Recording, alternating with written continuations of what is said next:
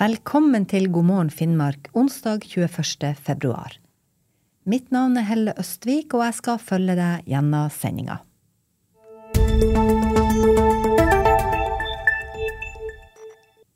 Så kom jeg inn, så så jeg bare at ja, hva er det som skjer her? At nei, Antti, at nå jeg tror bilen er i nødmodus nå.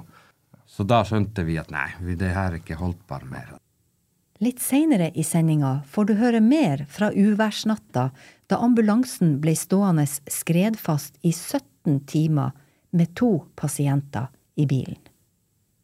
Men først til de siste nyhetene i Finnmark.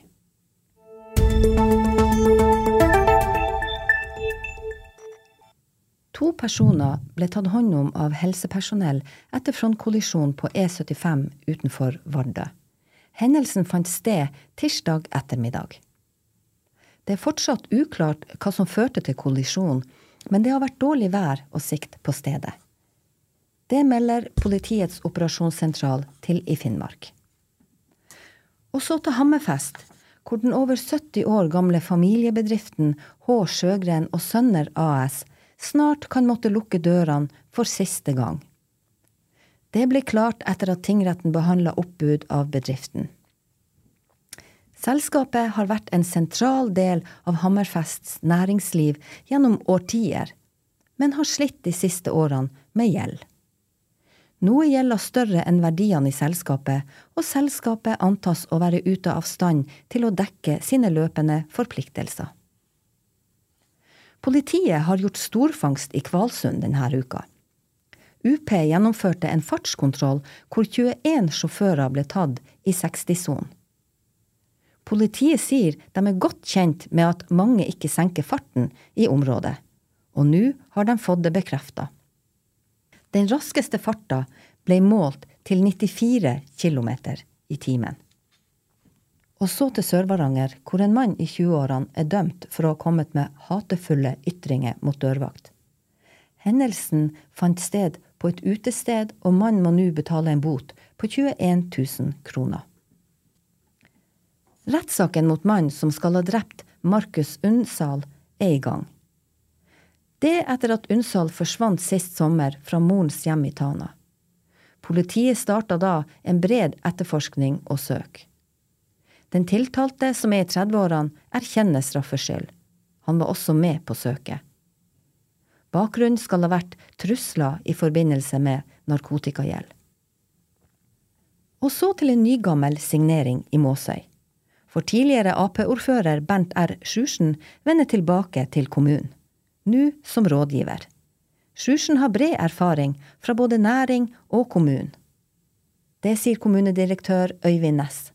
Han er godt fornøyd med signeringa. Og så været i Finnmark på denne onsdag 21. februar. Perioder med sørvest og vest frisk bris i øst først på dagen.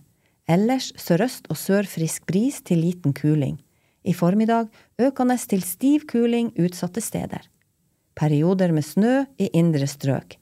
Ellers stort sett oppholdsvær. I kveld også snø i ytre strøk.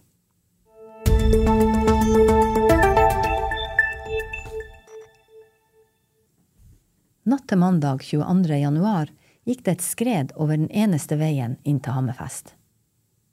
Litt tidligere, ved midnatt, hadde ambulansearbeiderne Antti Nevanperra og Espen Antonsen fått ei utrykning til Kvalsund, hvor to personer var involvert i ei trafikkulykke. Meldinga hadde gått ut på at situasjonen ikke skal ha vært kritisk, men at i alle fall én av personene trengte helsehjelp. Turen mot Kvalsund foregikk i et forrykende uvær. Sjåførene hadde nesten ikke sikt, og ved ett tilfelle havna de sjøl utafor veien. Vi snakka allerede oppe i Leirvik at det var blant det dårligste været vi hadde opplevd der. Veldig dårlig sikt og så ingenting. Jeg måtte justere både blålysene og kjørelysene på bilen for å kunne se litt av veikanten. Eh, vi opplevde jo at frontruta ble Ja, den holdtes ikke Nesten som man ikke så. Så vi satt og prøvde å titte ut der vi kunne og se brøytekantene. Vi klarte nesten ikke å se brøytestykket engang. og Det var vel opp den eh, bakken opp mot Akkarfjord, da. Så der var det jo to biler som sto, som hadde kjørt seg fast. Mm. Så vi måtte jo rygge ned igjen der og få brøytebilen og å kjøre oss igjennom der. Og på et tidspunkt så havna vi jo da faktisk utafor veien, og da hadde vi brøytestikka plutselig på feil side. Likevel forsatte de, geleida av en brøyteplog som bana vei. Det var på turen tilbake at ambulansen, med de to pasientene i bilen, ble stående bom fast. I Bekkeli var nemlig bommen nede. Det hadde gått et skred i Leirvikflågan, og veien inn til Hammerfest og sykehuset var stengt. Ambulansen ble geleida til helt fremst i køa, like ved bommen ved krysset til Strømsnes. Helt ekstrem vind og vær. Vi hadde bil sånn at vi fikk ikke nesten døra. Vi kunne ikke gå ut. Det var kjempemye vind akkurat der. Vi fikk, ei sånn inntrykk at det er bitte liten skred, og det går an å fikses. At det må gå, vi må jo komme oss, ikke sant? At det må jo gå an å kjøre med brøytebil forbi der og slippe de som står der, og kanskje eventuelt stenge da. Men uh, det var egentlig Det var litt sånn Da begynte vi skjønne når brøytebil bare sto der ei lita stund, snudde og kjørte. Så kom beskjeden fra AMK om at veien ville være stengt resten av natta, og at ny vurdering først skulle gjøres på morgenen klokka åtte. Den var jo også sliten, men jeg må skryte de her eh, pasientene våre at den var, kan vi si at den var veldig seig. Den var rolig, og de tok det sånn at de skjønte situasjonen at det ikke er noe å gjøre. Men hadde dere mat i bilen? Mat og drikke? Nei, vi hadde egentlig ikke det. Jeg tror jeg hadde en Pepsi-flaske, og vi har litt vann i bil og sånt. Ambulansearbeider Mathias Pedersen kom fra Alta på tur til jobb i Hammerfest. Han hadde med en gammel ambulanse de skulle bruke der. Ja, vi eh, sto eh, rett etter hverandre. Jeg sto bak eh, Espen Vanti eh, og hadde hele tida Jeg så hele tida ambulansen. Men eh, det var såpass dårlig på natta der at eh, det var egentlig det eneste jeg så. Uh, og at det var lys på ambulansen, det var det eneste som gjorde at jeg så det. For det var ikke veldig mange meter eh, sikt på det verste. Jeg tenker kanskje at uh, informasjonsflyten til oss som sto der, og så vi i ambulansen var for så vidt litt heldige med at vi kan ha direkte kontakt med, med AMK, som har kan man si, sånn forhåndsinformasjon. Så vi var jo på en måte litt heldigere enn de andre som sto bak oss, som kun kunne sjekke veitrafikksentralen på mobilen. Mm. Um, men uh, jeg føler det, det kom litt uh, sein og litt dårlig informasjon om i, altså hva som skulle skje videre. Så uh, vi prøvde nå, jeg prøvde nå å gå litt rundt omkring i de bilene og høre om hvordan det gikk med folk. I den store ambulansen med de to pasientene begynte etter hvert temperaturen å synke. Vi hadde problemer med å holde bilen varm, rett og slett, når den eh, gikk i pakka, den bilen. Og det er jo sånn at det bruker å blåse her i Hammerfest og Finnmark godt, men når du skulle åpne en sånn stor varebildør, og du bruker på begge armene, og prøver å gå ut, at du skulle prøve å holde fryta fritt fra is, og det er på en måte Bildøra blir Du er redd at du mister døra og da får du ikke lukka den. Så det var kjempedårlig. Det er sjelden jeg har stått på sånn plass, og bilen gynger hele veien. Og, så det var på en måte Det var veldig dårlig plass, veldig dårlig plass å plassere oss, skal vi si det sånn, men eh, vi vurderte det at vi skulle komme og slu, at vi skulle snu og komme oss i, lenger ned, at vi kan ikke stå her. At uh, det her blir for mye. Liksom at hvis bilen blir jo holder seg ikke varmen og tenkte at den fuker tett, at den vil jo samle seg ting inn i eksosanlegg og sånt, is og sånt. Men eh, da hadde det kommet jo brøyteskafler på allerede på den andre kjørefeltet. Og vi tenkte at vi kan ikke snu her, vi ser ikke. Og hvis vi snur, så kanskje vi kjører fast, og da stopper vi veien til Muligens kommer ei brøytebil på løpet av natta, eller noe sånt, så da står vi på veien der, at vi lager bare kaos. Utover natta kontakta ambulansearbeiderne AMK, for å høre om mulighetene for å få evakuert ut folk og pasienter fra køa. Snakka vel med både AMK og det å sjekke med Røde Kors og få beltevogn eller noe inn, men det var at de ville vurdere den skredfaren før de sendte noen personell forbi, forbi stedet. Ja, det var egentlig den natten der når vi fikk den første PC-en at vi nå vurderer en åtte. Og da prata vi om AMK. Og det ble egentlig sagt sånn at men mest sannsynligvis det på en måte åpne tidligere, at de tar vurdering og Så slo vi oss Jeg tror jeg følte at vi slo oss litt ro i det at vi venter til det klokka åtte, og sånn er det. Og da pasientene fikk slumre litt på Jeg hadde pasient foran på passasjersetet, og han var på en måte uskadet pasient. Og da Espen hadde ansvaret på han andre pasienten der bak, og du Dere fikk slumra litt der, og det var nå Vi prøvde å bare liksom tenke at vi får de her timene og kurs, og klokka åtte skal vi være. Men når det kom den nye dagen, og vi innså at klokka åtte at de bare flyttes videre og videre, det, så da begynte vi også liksom vurdere det her, at hva vi skulle gjøre. At vi er det Røde. Noen må jo komme oss og hente. Kanskje det er folk, kanskje det er unger i bil på de andre bilene. Noe må gjøres. Mathias gikk rundt og sjekka stemninga i de andre bilene. De, de eh, pratet med en trailersjåfør, og han hadde problemer med bremsen. Så han kunne, han kunne ikke kjøre verken frem eller tilbake, for han, bremsen hadde frosset. Eh, de andre bilene sto nå heldigvis og bakka, så de aller fleste lå nå og sov og hadde litt musikk på øret.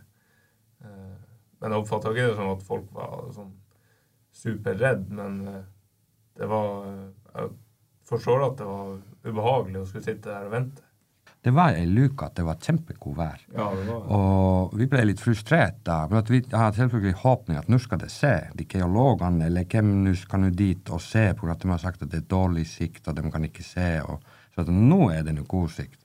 At vi kan jo Dere gikk jo sjøl. Jeg ble sammen med pasientene, så dere kledde på og gikk og se på ras, raset. Ja, og Espen, vi gikk eh, et lite stykke bort for at man skulle ha oversikt. Vi gikk ikke helt bort til selve rasstedet, men vi klarte å se bort til eh, Leivikhøyda eh, for å ha litt oversikt. Og det var ikke noe sne i lufta, og det var egentlig veldig fint vær som vi klarte å se. Eh, så det var jo litt sånn frustrerende å se at det var fint vær, men at vi kommer oss ingen plass herifra. Så når den tida bare ble flytta lengre og lengre, og vi skjønte at okay, det blir mørkt før vi kommer oss bort her, så Imens hadde beboerne i Bekkeli fulgt med på de skredfaste som hadde måttet tilbringe natta i bilene. Nå ville de gjøre morgenen litt lysere for de skredfaste. Jeg tror det var kanskje ett-tida eller noe sånt, så plutselig Plutselig var det folk foran ambulansen. Det var en kar som hadde ei sånn pose med brusflasker, og ei dame som hadde hjemmelaga rundstykker og smurt sånn svær koffert. og kom til bare oss at vil da dere bare at dere er sikkert sulten og at ja, vi har stått der Ja, dere har stått der siden liksom ett. Så de måtte fulgt med oss. Så de liksom Og da så jeg at de gikk så på speilet at de gikk rundt i bilene og leverte mat og sånn. Så det var, det var Jeg tror vi takka mange konger. Ja. Så fikk vi noen brødskiver. Det var egentlig sånn fin følelse når man er så frustrert, så noen kommer med sånn friske varer til deg. Så det var liksom veldig fin fin ting. Så vi er veldig takknemlige for det. Men tida gikk. Helt fra grytidlig morgen hadde ambulansearbeiderne måttet sitte med en fot på gassen for å holde temperaturen noenlunde oppe i ambulansen. Det var det egentlig det verste. Det var jo også sånn som vi tenkte at vi er nødt til å gjøre noe av Jeg selvfølgelig satt på den her uh, sjåførbenken og holdt det på Bilen gikk på tomgang hele natta og kjente at tempen eh, ville ikke holde seg helt oppe. Så jeg tror fra siden klokken fem holdt jeg på gassen. Måtte holde foten litt på gassen og gi sånn at at vi får liksom litt uttale på motor. Men uh, de her nye bilene de tåler ikke å pakke så lenge fordi de er sånn miljøgreiene. Så uh, de burde kveles. Så da måtte vi jo henge på gassen hele tida. Hver gang når du slapp gassen, så begynte bilen å kvele. Så jeg tror det var klokka seks og videre, så en måtte stå på gasspedalen litt. For vi ville ikke selvfølgelig stoppe bilen. For det blir kaldt, og da blir det ikke så gøy.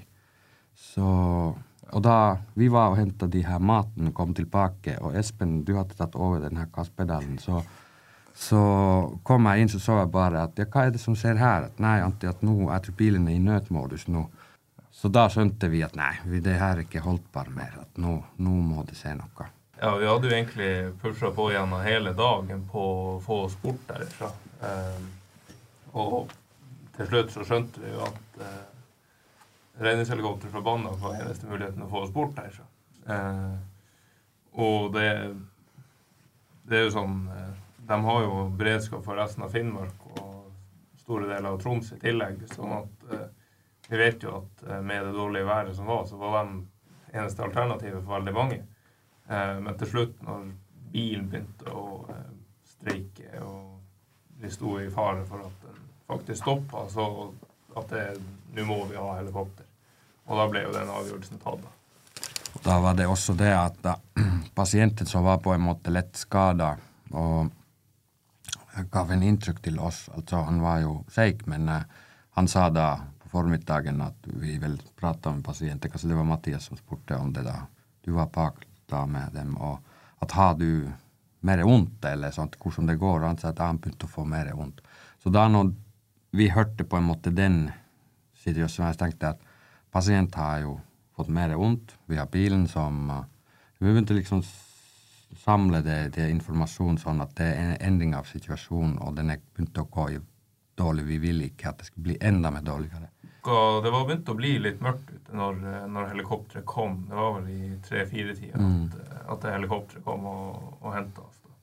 Så da hadde man jo stått der fra i ett tid. Med at uh, vi sto såpass uh, si, knotete plassert i forhold til uh, helikoptersikkerhet, så, så, kunne ikke det lande pga. Uh, strømkablene som var i, i krysset der. så da måtte vi heises ut. Så da sto de over oss, og så heiste de opp med tau. Nå ber ambulansearbeiderne regjeringa ta ansvar for å gjøre veien inn til sykehuset trygg. Vi har jo tre ambulanser har Hammerfest. Én eh, på dagtid og to døgn rundt. Eh, og den ene ble jo stående i, i Akkarfjord. Eh, så da ble det jo bare én her i Hammerfest gjennom natta og utover dagen. Det gikk heldigvis bra, men det er jo Man tenker jo alltid worst case. Altså. Det, mm. Hjertestans og andre store hendelser så trenger du litt flere enn to ambulansepersonell. Mm. Så, så man har på en måte vært heldig heldig i uhell at eh, vi har stått der uten at det har skjedd noe større greier her. Mm. Så, eh, så, det er klart at den beredskapen blir, blir betydelig svekka når ambulanser blir stående. Og det gjelder jo ikke bare oss, det gjelder jo egentlig alle andre ambulanser fra, fra distriktet. Mm. Eh, og, og samfunnssituasjonen også. Trailere kommer seg ikke hit og dit, og, mm. og folk kommer seg verken på jobb eller på hjem. Så det, det medfører jo veldig mye samfunnskostnader i det. Vinteren nå i år har kanskje vært litt spesiell med at det har vært veldig mye dårlig vær nå gjennom januar. Eh, men eh, det er jo ikke uvanlig at det er dårlig vær innover øya. og det, det er noe vi er relativt vant med. Og eh, med at sykehuset er her, så føler jeg jo at regjeringa burde ha gjøre litt mer eh, Ta litt mer ansvar eh, med å sikre at veien til sykehuset er åpent, eller de gjør så mye som det er mulig for å gjøre den trygg. Eh, og det gjelder jo ikke bare for oss i ambulansen, det gjelder jo for alle som bruker sykehuset, og alle som bruker Hammerfest. Vi har jo Melkøya og, og sykehuset så det gir jo veldig store ringvirkninger for, for Hammerfest som by. Så, så, det å sikre veiene inn og ut av Hammerfest, det er absolutt viktig. Og det gjelder egentlig hele Finnmark. Bare for at det er Finnmark, så føler jeg ikke at vi skal nedprioriteres. Du møtte ambulansearbeider Mathias Pedersen i studio sammen med sine kollegaer i Finnmarkssykehuset, Anti Nevanperra og Espen Antonsen.